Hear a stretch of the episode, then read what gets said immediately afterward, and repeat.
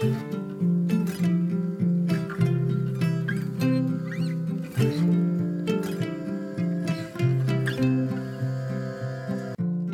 och välkommen till For Health med Anna Sparre!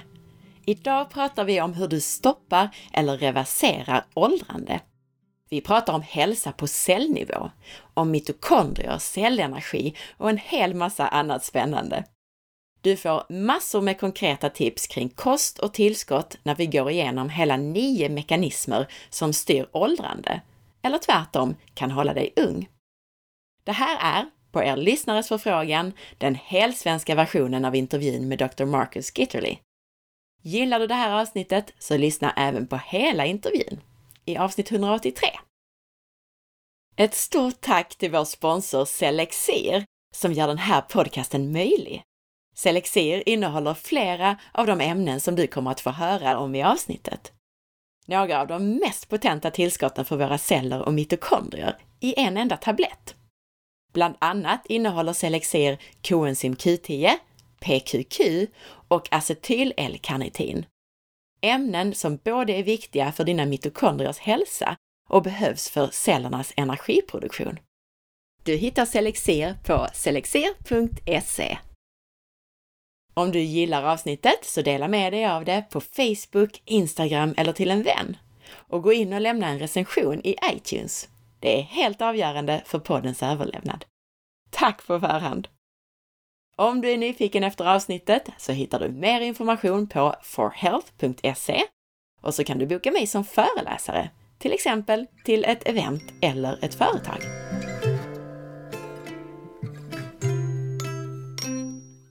Marcus Gitterly berättar om sin bakgrund och hur han kom in på anti-aging. Han berättar om sin konventionella medicinutbildning och hur näringslära var ett valfritt ämne. Och trots att han läste nutrition så lärde han sig egentligen ingenting på ämnet. Han började arbeta inom akutsjukvården. Arbetsuppgifterna och arbetssättet som läkare ger inte riktigt tid att ställa grundläggande större frågor om sjukdom och hälsa. Men efter tre, fyra år som läkare så började Marcus fråga sig själv varför han såg så mycket diabetes, övervikt, hjärtattacker och så vidare. Han började läsa och insåg att den medicinska litteraturen inte riktigt ställde de här större frågorna. Marcus började fundera över saker som vad sann hälsa är, hur vi människor kan fungera optimalt och vad cellernas behov är. Han insåg snabbt att det fanns en hel del forskning som han inte fått insyn i eftersom det inte fanns något stort läkemedelsbolag som marknadsförde den. Läkemedelsbolag pratar ju inte gärna om näringstillskott som de inte kan patentera och tjäna pengar på. Mycket av vetenskapen kring hur vi fungerar optimalt har kommit från anti-aging-rörelsen. Marcus började intressera sig för den och delta i konferenser och så vidare. Han hade hittat en grupp som ställde liknande frågor som han själv gjorde och som hittade svar på frågorna. Och Marcus började sedan implementera de här sakerna. Hans intresse kom framförallt från hans yrke, inte av några egna hälsobesvär. Dock så beskriver han att han har en hög somatisk medvetenhet, vilket gör att han är väldigt medveten om sitt eget åldrande. Vad är åldrande och vad får oss att åldras? Åldrande är förändring av funktionen i ett komplext system. Vi försöker förenkla beskrivningen av åldrande, men det handlar om många processer. Marcus Skitterly kallar de här för negativa synergier. De påverkar många aspekter och de är förutsägbara och definierbara. Du kan titta på dem i ett mikroskop i form av till exempel förändringar i proteiner. Du kan se förändringar i kroppens signalämnen. Du kan se förändringar i funktion. Vad som ger de här förändringarna, det är en förutsägbar kaskad av dysreglering och försämring i flera system. Vi pratar system relaterade till cellfunktion och cellreglering. Och det kommer snart bli mer konkret. På 2000-talet så insåg man att vad som verkligen är skillnaden mellan en 18-åring och en 80-åring, det är vad som händer inuti cellerna. En 80-årings celler ser bokstavligen talat gamla ut. Cellernas funktion ändras med ålder och skillnaden man ser i hela systemet, alltså i kroppen, beror helt på vad som händer på cellnivå, i de individuella cellerna. På många sätt så kan man se att cellerna i 80-åringen är gamla. Men det finns många vetenskapligt underbyggda sätt som kan få cellerna att bete sig som unga igen. Hormoner och att tillföra hormoner var länge den enda anti-aging-metod som man kände till. Men det är inte tillräckligt. Man startar för långt bort i kedjan. Du kan inte få cellerna som bygger upp hela systemet att se yngre ut med bara hormoner. Marcus beskriver kroppens funktioner som en symfoni och att hormoner är del i hur symfonin utförs. Dirigenten skulle man kunna kalla det. Att tillföra hormoner är som att låta dirigenten röra dirigentpinnen snabbare. Det ger alltså begränsade resultat på själva symfonin, som ju är beroende av hela orkesterns kvalitet. Våra kroppar är programmerade att föra våra gener vidare. Prio är att producera avkomma så att vår art kan leva vidare. Efter 30 år så är vi inte lika användbara längre för just det här avseendet och därför så trappar vi ner funktioner. Men vi är inte helt over and done with, så att säga, efter 30 års ålder. Vi är gjorda för att kunna fortsätta fungera. Men funktionen blir tydligt förändrad med åldrandet.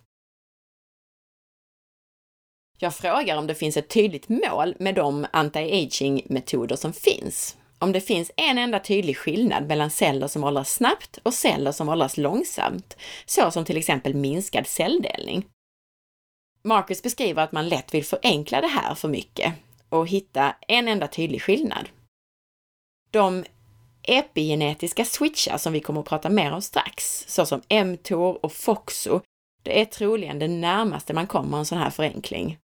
Alltså att om man påverkar de här switcharna, de här genetiska switcharna, så påverkar man mycket av åldrandeprocessen.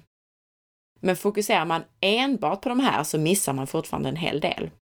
Det bästa är att hitta så många parallella strategier som möjligt och implementera de här på samma gång eftersom de verkar synergistiskt och förstärker varandra i vår intention att hålla oss unga.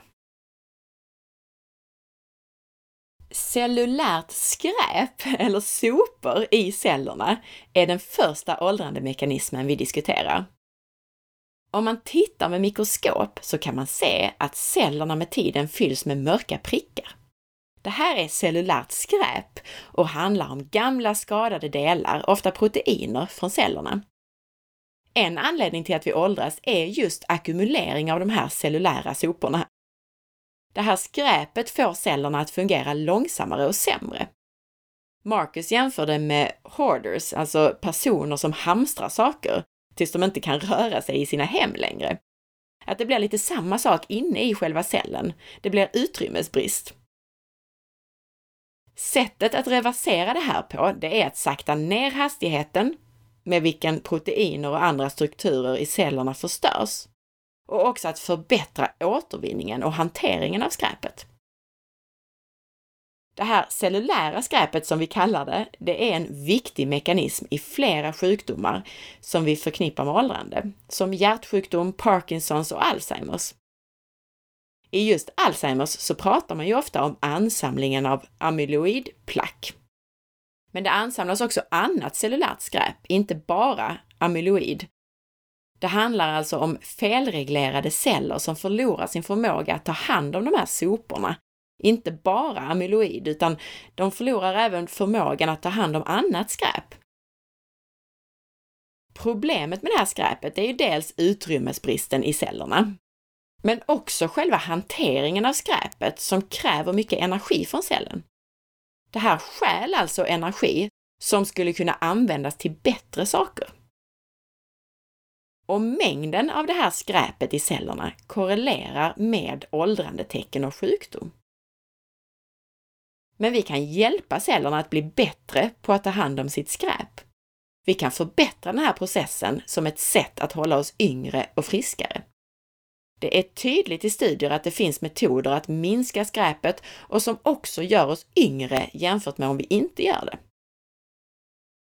Ett sätt att göra det här, det är med ett tillskott som kallas för acetyl-L-karnitin en aminosyra som bland annat förbättrar energiproduktionen på cellnivå eftersom karnitin hjälper till att transportera in fettsyror in i cellernas mitokondrier där de sen kan göras om till cellenergi.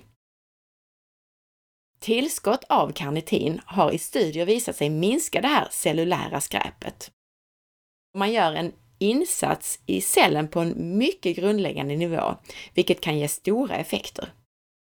Studier visar på saker som bättre minne och bättre hjärtfunktion. Förklaringen till att karnitin kan minska cellulärt skräp är troligen eftersom det då förbättrar mitokondriernas förmåga att ta in fett. Så minskar det troligen också mitokondrier som stänger ner och blir dåliga. Mycket av det cellulära skräpet består just av gamla förbrukade dåliga mitokondrier. Just att hålla våra mitokondrier friska det är en grundfaktor till att bromsa åldrandet. Acetyl-L-karnitin det är alltså en form av karnitin som absorberas lättare. Marcus anser att mer är inte bättre, men att ta ungefär 500 milligram två gånger per dag kan vara en bra nivå. Marcus beskriver att anledningen att inte läkare pratar om det här är att det inte är möjligt att patentera det som ett läkemedel Ingen kan göra stora vinster på det, så det marknadsförs inte av läkemedelsbolagen. Men det är mer effektivt än många läkemedel. Marcus beskriver också hur karnitin även förbättrar andra åldrandemekanismer, inte bara det cellulära skräpet, utan till exempel just energiproduktion. Att alla saker som vi pratar om här har synergistiska effekter.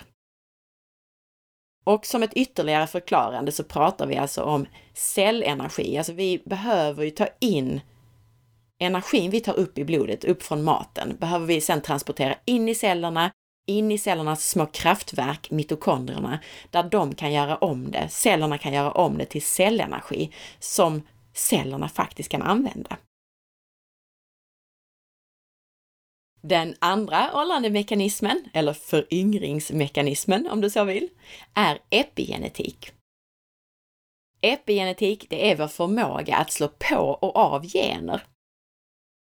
Trots att vi föds med en uppsättning gener så påverkas vi mer av om generna är aktiverade eller tystade. Och det här kan vi i sin tur påverka med vår livsstil.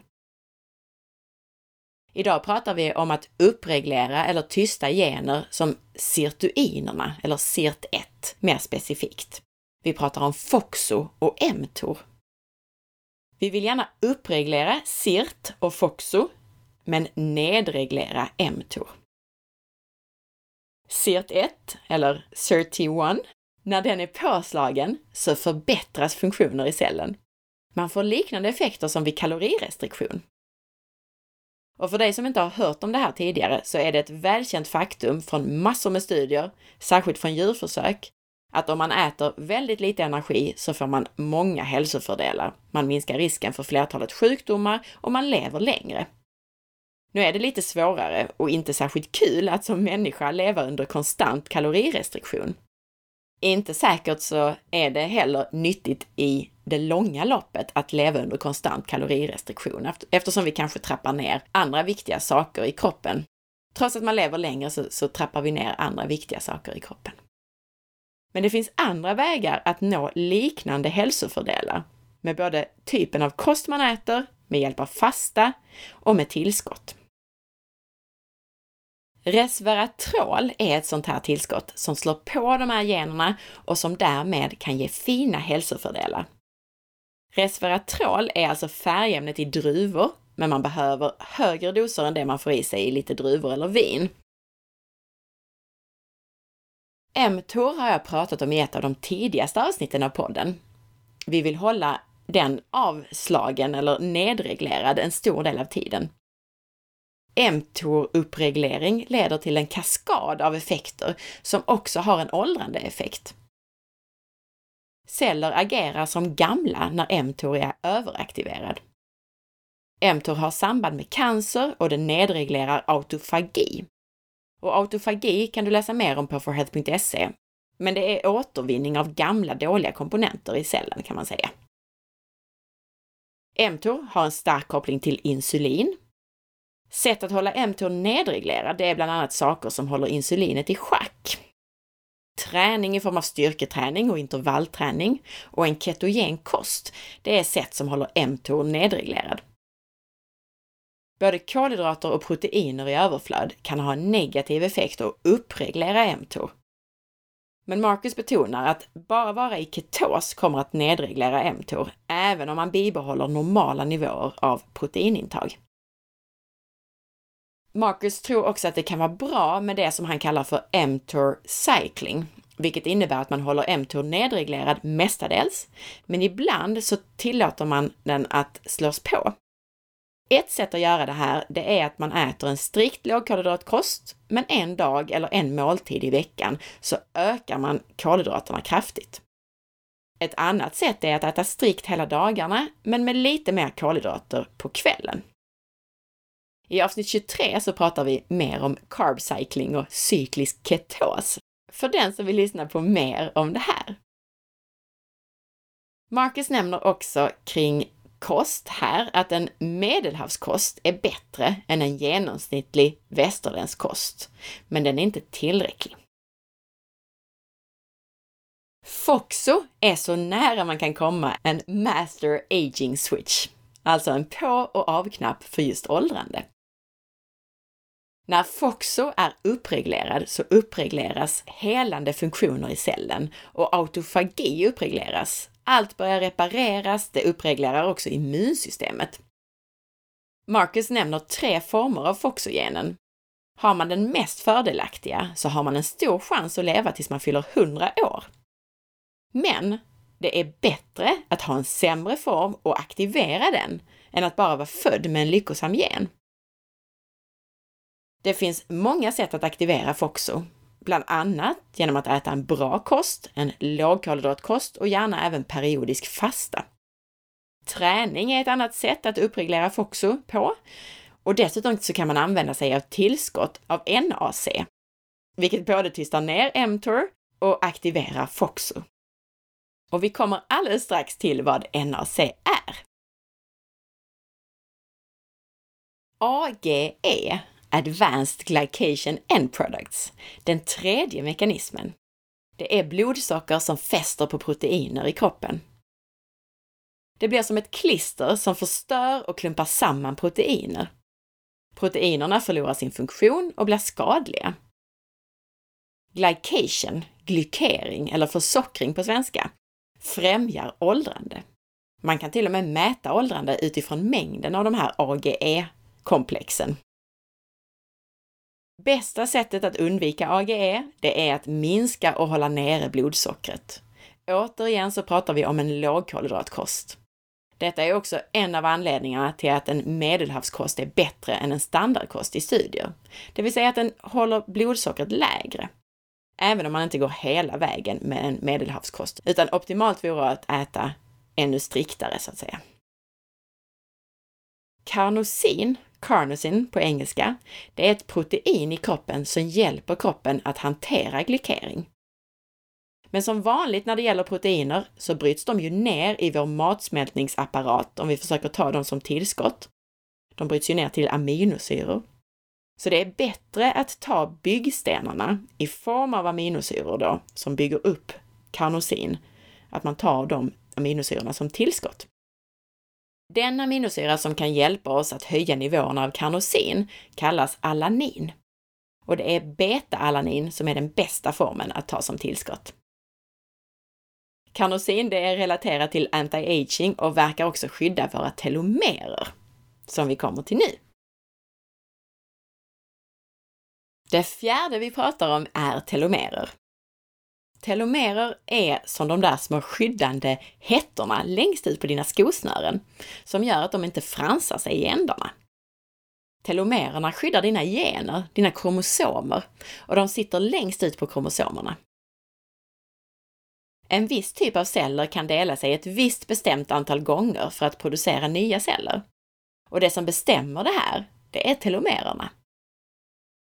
Telomererna förkortas när celldelning sker när telomererna har blivit för korta så kan inte celldelning längre ske korrekt. Det här är alltså en stor och viktig del av vårt åldrande. ju längre telomerer, ju bättre. Desto yngre är vi, rent biologiskt alltså. Nu för tiden så vet man att det inte bara är möjligt att skydda telomererna så att de inte förkortas så snabbt, utan man kan till och med förlänga dem genom att påverka ett enzym som kallas telomeras.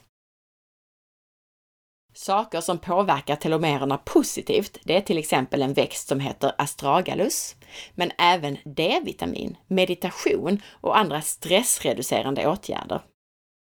Och så även allt annat som vi pratar om i den här podcasten kan ha en positiv inverkan på dina telomerer. Den femte mekanismen, insulin, det vet du vad det är vid det här laget. Och vill du lära dig mer om insulin och insulinkänslighet så lyssna på avsnitt 56 och 57. Insulin är ju involverat i blodsockerinlagring, fettinlagring, för höga eller för låga nivåer är kopplat till diabetes och insulinresistens.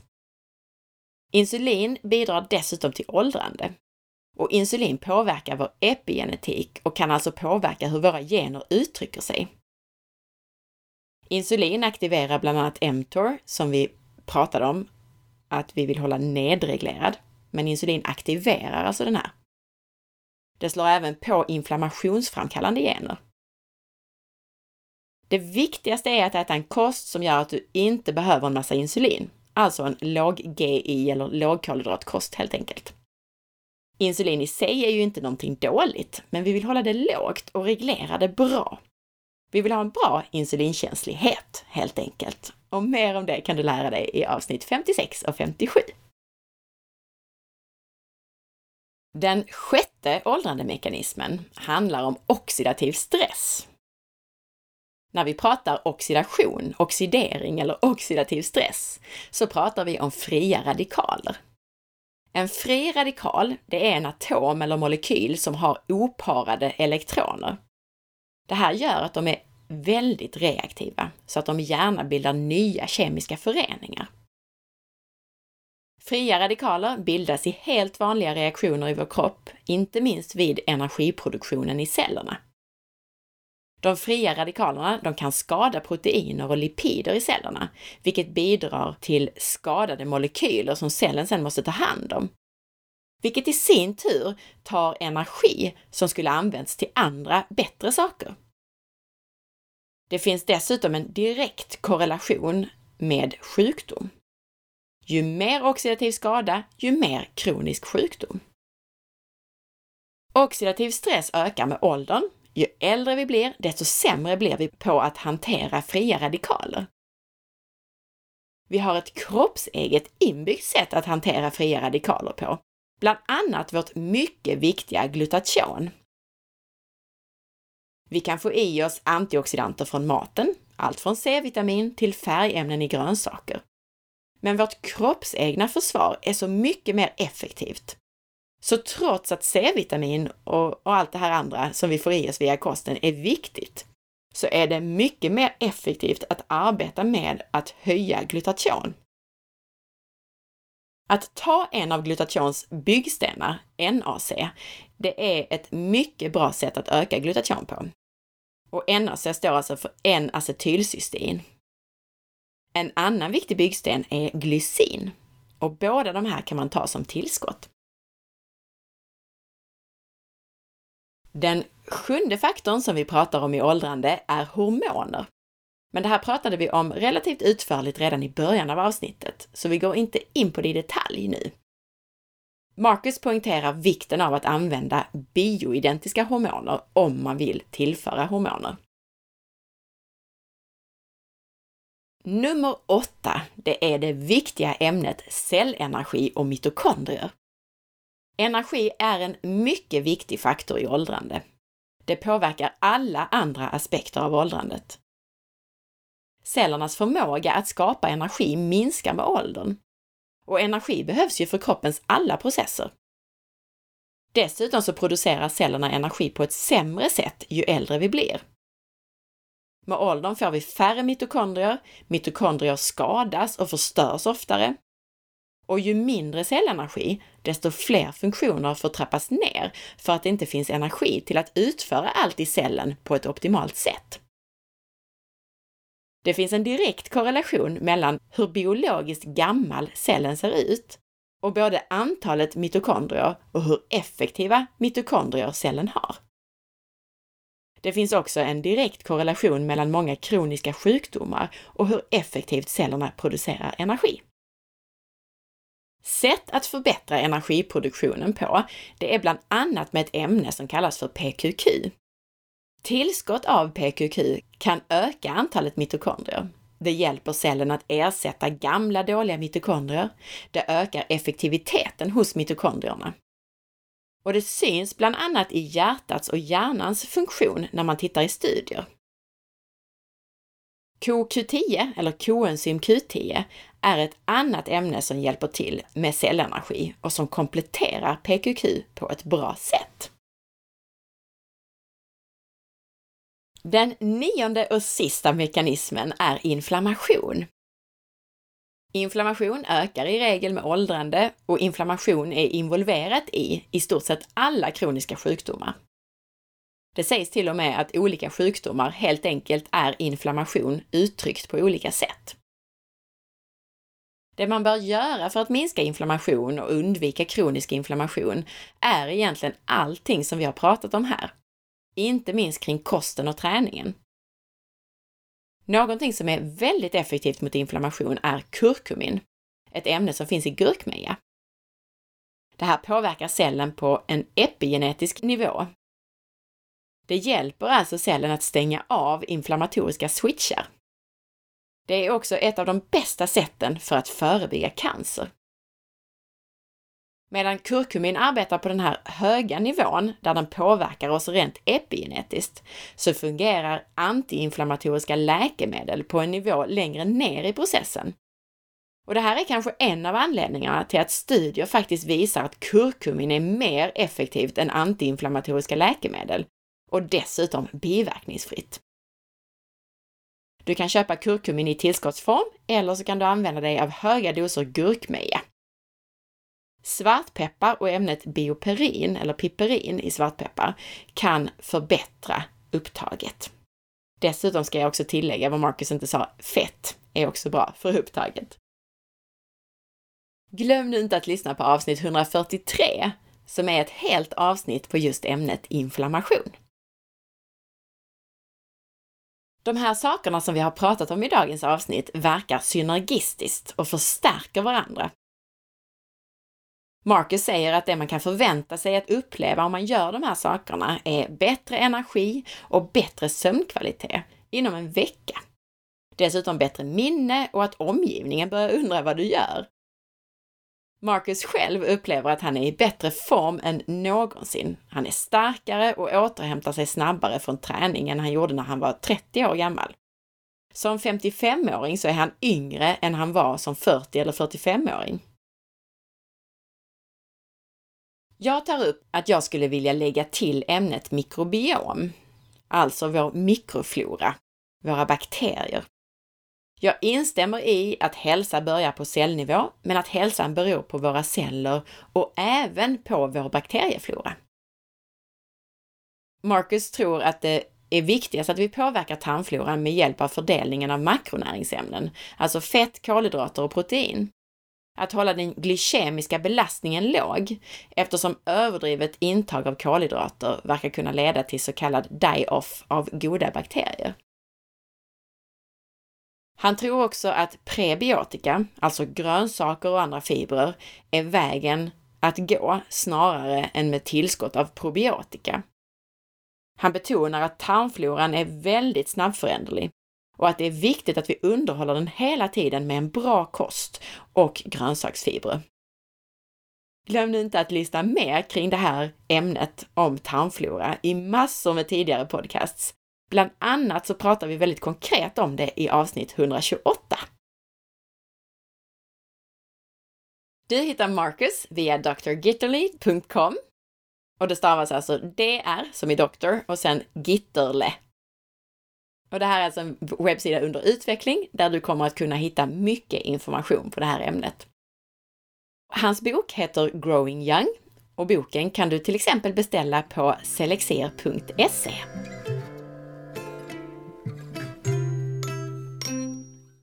tack för att du lyssnade! Jag hoppas att du gillade det här avsnittet. Gjorde du det så dela med dig av det och sprid så att fler får ta del av den här spännande informationen om hur kroppen fungerar. Jag blir också jätteglad om du vill lämna en recension i iTunes eftersom det hjälper andra lyssnare att hitta hit. Följ med på facebook.com forhealth.se där du kan hitta avsnittsinformationen till det här avsnittet som du kan dela och där du varje dag hittar länkar till nya hälsotips och annat. Följ också mig på Instagram via signaturen asparre och titta in på bloggen på forhealth.se. Ha en fantastisk dag så hörs vi snart igen. Hej då!